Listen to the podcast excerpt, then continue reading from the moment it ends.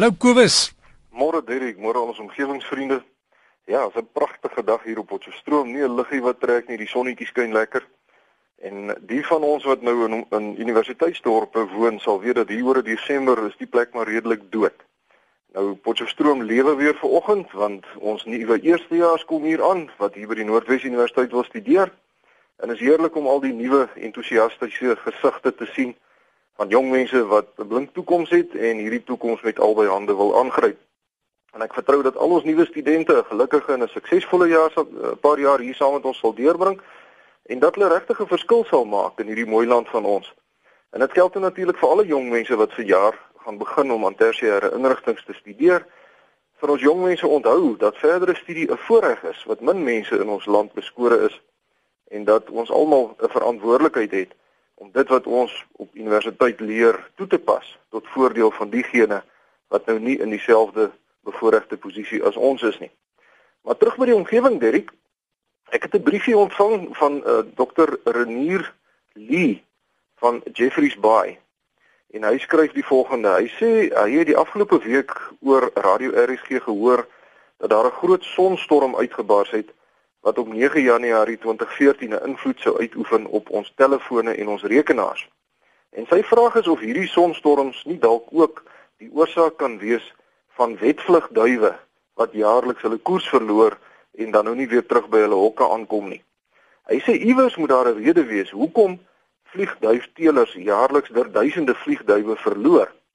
Hy sê so 10 tot 15 jaar gelede het elke teeler maar net enkele vliegtuie jaarliks verloor, maar dit lyk vir hom asof dit toegeneem het. Hy sê die verliese is nie streeksgebonde nie en dit laat teelers begin dink dat die oorsaak van verlore duwe dalk baie wyeer gesoek moet word. En die teelers kyk deesdae of die kos wat die duwe eet wat in silo's berook word, nie dalk die rede is dat so baie van hulle nou nie weer by hulle hokke uitkom nie. Hulle eet dus uh, giftige kos. En uh, Dominee Lee, uh, ek het net nog gesê dis dokter, ekskuus tog dis Dominee. Dominee Lee sê dat indien duwe van die berookte graan sterf, hy glo dat die mens ook negatief beïnvloed kan word daardeur. Nou dit is 'n ander onderwerp wat ek ander dag sal hanteer. Nou ander duiweboere wonder of al die selfone en al die syne wat nou daagliks kruis en dwars oor die wêreld heen gestuur word, nie ook 'n rol speel nie. Dominee Lee sê dat niemand presies weet hoe die rigting sin van duwe werk nie Verskeie teorieë is nou al nagevors en afgewys of uitgestel, maar dat die son 'n rol speel was nog altyd 'n gegewe. Die mense aanvaar dit. Nou, baie dankie Dominee Lee vir u interessante vraag. En dit is wel so dat 'n sogenaamde X-klas sonstorm Dinsdag uitgebars het en die aarde teen Donderdag nou beïnvloed het.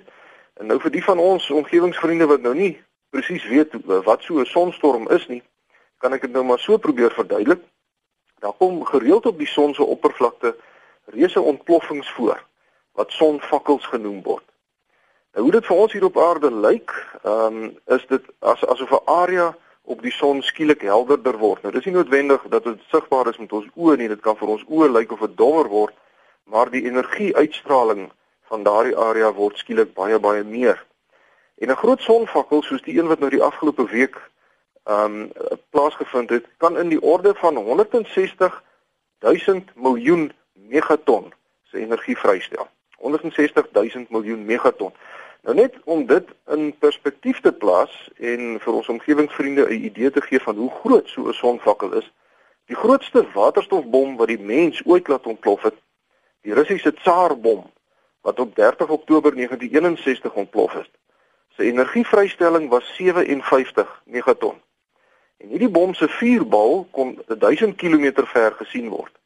Die bekende sampioenvormige wolk het 64 km hoog gestyg en die bokant van die wolk was 95 km in deursnee. Alle strukture en geboue in 'n radius van 55 km rondom die bom was totaal vernietig en mense 100 km van die bom af het derde graad se brandwonde opgedoen. En soos ek gesê het, was die energievrystelling van hierdie reuse ontploffing maar net 57 megaton. En 57 megaton is die ekwivalent van 'n vierkantige blok TNT wat so hoog soos die Eiffeltoring in Parys is. Nou vergelyk nou die Tsarbom se energievrystelling van 57 megaton met die sonvakkel se 160 000 miljoen megaton. en die ontploffing self was 7 keer so groot soos die hele aarde. Dan kry mense 'n idee van die nietigheid van die mens en hoe kwesbaar ons eintlik hier op aarde is en hoe wonderlik alles geskape is dat sulke goed kan plaasvind en ons nog steeds veilig kan wees hier op aarde. Maar nou goed, so 'n sonvakkel laat 'n groot klomp elektromagnetiese straling vry wat die totale eh, spektrum dek. Met ander woorde, dit uh, sluit radiogolwe, sigbare lig, ultraviolet strale, X-strale en gamma-strale in byvoorbeeld en hierdie strale trek dan teen die spoed van lig deur die ruimte en bereik die aarde 8 minute later. Maar benewens hierdie straling word daar dan ook wolke elektrone, ione en ander atome dwars deur die korona van die son geskiet tot in die ruimte. En hierdie wolke deeltjies bereik die aarde dan so 2 dae later. Die invloed op ons hier op aarde is nogal dramaties want benewens die feit dat ons kommunikasie, met ander woorde ons selfone, die internet, die radiosyne en ons GPS-toestelle negatief beïnvloed word, dan sonvakkels ook die mense kragvoorsieningsnetwerke vir lang tye ontwrig. En dit kan ook die bane van satelliete wat in lae uh, wat op lae hoogtes rondom die aarde wentel ontwrig omdat die boonste deel van ons atmosfeer verwarm word en die sleurkrag op satelliete dus toeneem. En dit kan selfs die elektronika op ruimtetuie beskadig of heeltemal vernietig. Trouwens sonvakkels is een van die grootste gevare vir langafstand ruimtereise, want energieke deeltjies kan dwars deur die liggaam van 'n ruimteman trek en biofisiese skade aanrig soos wat hulle dwars deur die, die lyf dan nou trek. Maar nou goed, Domilie se vraag was nou of so 'n sonvakkel dalk moontlik die rede kan wees waarom wetvlugduwe hulle rigting kwytraak. En om hierdie vraag te beantwoord, moet ons eers kyk hoe duwe navigeer. Nou ek het donderdag in die teekamer saam met die, die fisisie gekuier en een van my kollegas daar, Mike Reynolds, het vertel dat hy 'n program op TV gesien het waar die mense eksperimenteel bepaal het dat miskryers die posisie van die son gebruik om te navigeer. Hulle het 'n miskryer in 'n donker vertrek geplaas en 'n lig aangeskakel en die insek het dan in 'n sekere rigting begin vlieg. En as hulle die lig se posisie dan nou skielik verander het, het die insek net daar omgedraai en in 'n ander rigting gevlieg. So hy kyk waar is die lig en dan bepaal hy sy rigting waarna hy wil vlieg. 'n Ander kollega, eh, ook 'n fisikus, professor Johan van der Walt, vertel dat daar mure in die Sahara woestyn is wat ook die son se posisie gebruik om te navigeer. Hy sê as 'n mens 'n skaduwee oor die muur hou, dan kry hy nie weer sy nes nie. So hy kyk waar is die son om terug te, om die pad terug na sy nes toe te kry. Nou as ons nou na voëls kyk, dan dui die huidige kennis daarop dat hulle benewens die son ook verskeie ander sintuie gebruik om te navigeer. Hulle moet natuurlik gedurig 'n aanpassing maak na gelang van die tyd van die dag. As hulle nou die son gebruik want die son se posisie verander mos nou, Maar dan gebruik hulle ook die magneetveld van die aarde, visuele bakens, so hulle hulle kan sien waar is hulle en dan ook uh, hulle reuksintuig. Maar presies hoe dit werk dat 'n voël interkontinentaal kan vlieg en dieselfde nesie jaar na jaar weer kry, is een van die wondere van die natuur wat nog nie presies verklaar kan word nie.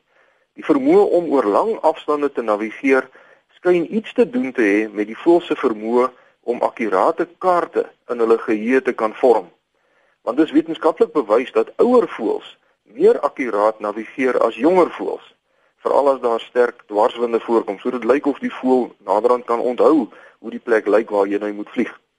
Resente navorsing dui verder daarop dat voëls wel die magneetveld van die aarde gebruik en die ontdekking van 'n neurale verbinding tussen voëls se oë en 'n gedeelte van die brein wat aktief is tydens migrasies dui daarop dat voëls die magneetveld van die aarde as ware op 'n manier kan sien. Dit gebeur egter gereeld dat wilde voëls ook verdwaal, veral as hulle van koers afgewaai word in sterk dwarswindtoestande. Nou iets interessant is dat die mense al daarin geslaag het om migrasieroetes vir jong voëls te leer deur byvoorbeeld met mik, uh, mikroligte vliegtye saam met die voëls te vlieg en vir hulle vir hulle die pad te wys. En daar's ook 'n rolprent gemaak daaroor. Uh, ons omgewingsvriende sal onthou so 'n paar jaar gelede het die rolprent gedraai. Maar nou goed terug by Dominee se vraag of die sonvakkel nou voel se vermoë om te navigeer kan beïnvloed. En met die voorbehou dat alle kennis voorlopig van aard is, met ander woorde die wetenskap verstaan eintlik nog maar min oor hierdie saak, kan ek egter vanoggend sê dat dit nie die geval lyk uh, blyk te wees nie. Die magneetveld van die aarde is juis geskape om ons te beskerm teen die invloed van sulke sonvakkels en die magneetveld self word nie beïnvloed deur die deeltjies of die straling wat hier by ons aankom van die son af nie. Maar die afskermingseffek veroorsaak wel wat genoem word geomagnetiese storms in ons magneetveld wat lei tot 'n toename in die auroras of die noorder en suider ligte wat mens bo kan die poolgebiede sien. Maar die magneetveld self se rigting of veldsterkte word nie beïnvloed nie. En dan het Dominee Lee ook melding gemaak van al die selfoonsyne. Nou selfone is maar dieselfde beginsel as radiosyne en mensgemaakte radiosyne is al langer as 'n eeu op aarde uh, wat die goed rondvlieg en TV-syne in die in dies meer en wilde voëls navigeer nog net so goed as in die tye voor die uh, voor radiosyne. So dit lyk of ook nie asof selfone verantwoordelik kan wees daarvoor nie. So hoekom die duiwe wegraak, weet ek nie. Ehm um, en dit is dalk 'n onderwerp vir vir een van ons nuwe studente wat vandag hier aankom wat in dierkunde wil studeer om na te vors. Baie dankie Dominee Lee van Jeffreys Bay vir u interessante navraag. En as ons ander omgewingsvriende vir my wil skryf, is u baie welkom. My rekenaaradres is kobus.vanderwalt@nwu.ac.za en my posadres is die fakulteit Natuurwetenskappe Noordwes Universiteit, Potchefstroom 2520. Vriendelike groete tot 'n volgende keer. Dankie Kobus. Ja, as jy so praat, dit uh, laat mense net besef hoe min ons eintlik weet, né? Dit is so, Derek. Weet jy, ehm um, hoe, hoe meer hoe meer 'n mens leer, hoe minder weet jy. En uh ek dink as as ou net eers by daai besef gekom en dan jy al ver gekom in die lewe. So gesels ons met professor Kobus van der Walt van Noordwes Universiteit in Potchefstroom. Die e-posadres kobus met 'n punt en dan van der Walt aan mekaar. So dis kobus.vanderwalt by nwu .ac.za as jy vir ons skryf en dan sal die gesprek ook hier van maandag af as 'n pot gooi by rsg.co.za beskikbaar wees.